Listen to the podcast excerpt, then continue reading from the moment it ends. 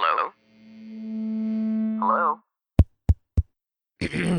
Podcast Network Asia.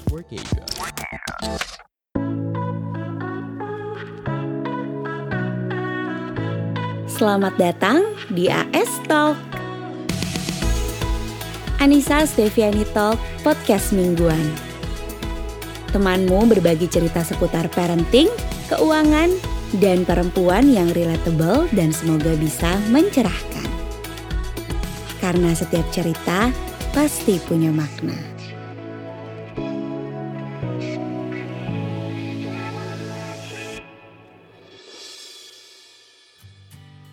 AS Talk didukung oleh Podcast Network Asia.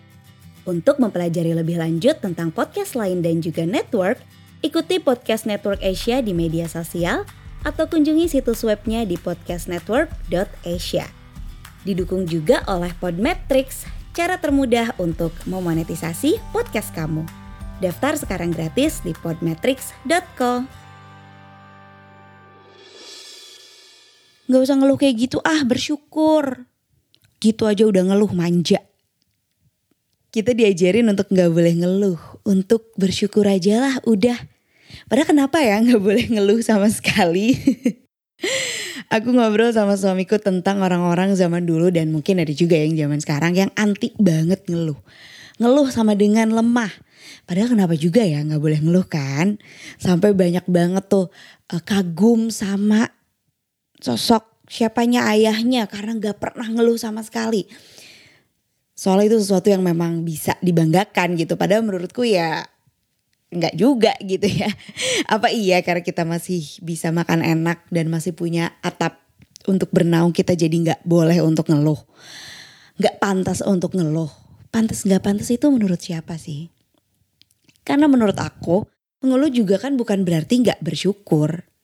Ya aku bersyukur bisa makan enak tapi jujur capek banget nih masak setiap hari kan valid aja gitu. Itu dua perasaan yang boleh dirasakan manusia. Merasa tidak nyaman, tapi ya merasa bersyukur. Kita nggak perlu kok memilih salah satu. Terus juga setelah dari ibu, buat aku larangan mengeluh adalah cikal bakal imaji ibu itu harus sempurna. Ayah harus kuat. Padahal kata siapa ya? Ibu kan gak harus sempurna karena sempurna itu gak ada. Ibu gak harus bisa semua karena kenapa juga harus dilakukan semuanya kan boleh minta bantuan. Ayah gak harus kuat karena ayah kan manusia juga. Sama kayak ibu. Ayah juga gak harus selalu memendam perasaan karena emosi itu milik semua manusia. Mengeluh bukan berarti gak sayang sama anak dan mengeluh bukan berarti gak bersyukur. Khawatirnya sih karena anti ngeluh jadinya semua perasaan dipendam dan berharap nanti juga lewat. Padahal mungkin bisa jadi bertahun-tahun ada luka hati yang jadinya jalan di tempat. Mungkin juga bisa jadi ragu minta bantuan padahal nyatanya sangat butuh pertolongan. Gengsi minta uluran tangan padahal lebih sulit hidup kalau tertekan sendirian. Nggak mengeluh belum tentu nggak rapuh, sebaliknya mengeluh belum tentu rapuh.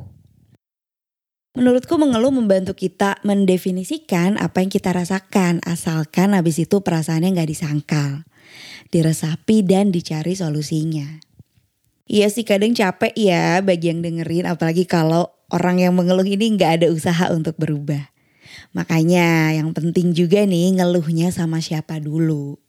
Ya kamu ngeluhin gaji kamu kecil ke orang yang baru di PHK kan nggak pas ya pastiin aja kamu ketemu dulu nih orang yang tepat untuk kamu ngeluarin keluhan kamu. Atau justru temukan orang yang bisa diajak ngeluh bersama. ngeluh bersama karena ada di posisi yang sama itu kan kayaknya saling mengerti gitu ya. Kalau emang gak ada, tulis. Jadi aku menyarankan ditulis kalau orang zaman sekarang bilangnya journaling gitu ya. Ditulis tangan karena saat kita menulis tangan itu ada otot-otot yang bekerja Saat ada sesuatu yang gak menyenangkan itu tulis. Apa sih yang gak menyenangkan ini? Kenapa ya sampai terjadi?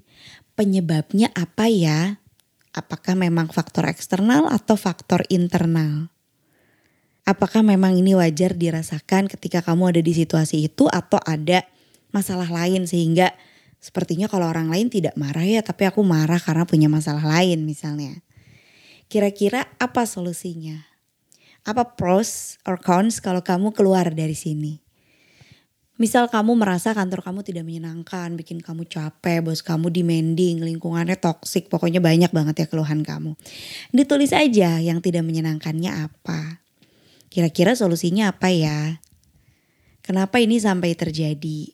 Kenapa aku stuck di sini? Apakah kalau resign kamu mendapat banyak hal atau kehilangan banyak hal? Jadi mengeluh juga sebetulnya bisa dilakukan sendirian.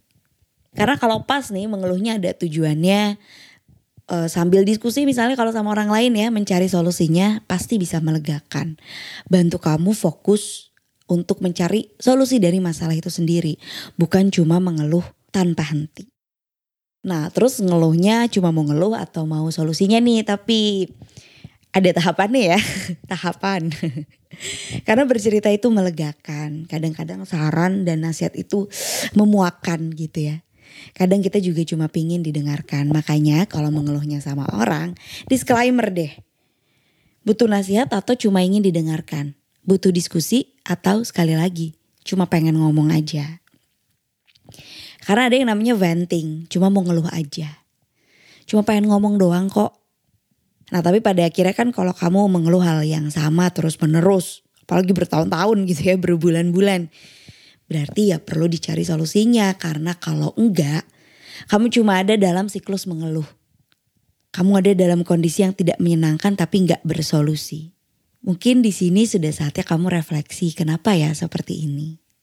Jadi mengeluh boleh tapi sambil berusaha yuk apa yang bikin kamu punya begitu banyak keluhan. Gimana agar penyebab keluhan itu bisa berkurang perlahan. Dipikirinnya pelan-pelan aja. Kita mengeluh, membantu kita mengenali emosi, dan pada akhirnya mencari solusi. Mengeluh bisa jadi cara yang sehat untuk menuangkan apa yang selama ini terasa. Apakah penyebabnya nyata? Atau memang asumsi aja? Karena persepsi itu ngaruh banget ya dalam kehidupan sehari-hari.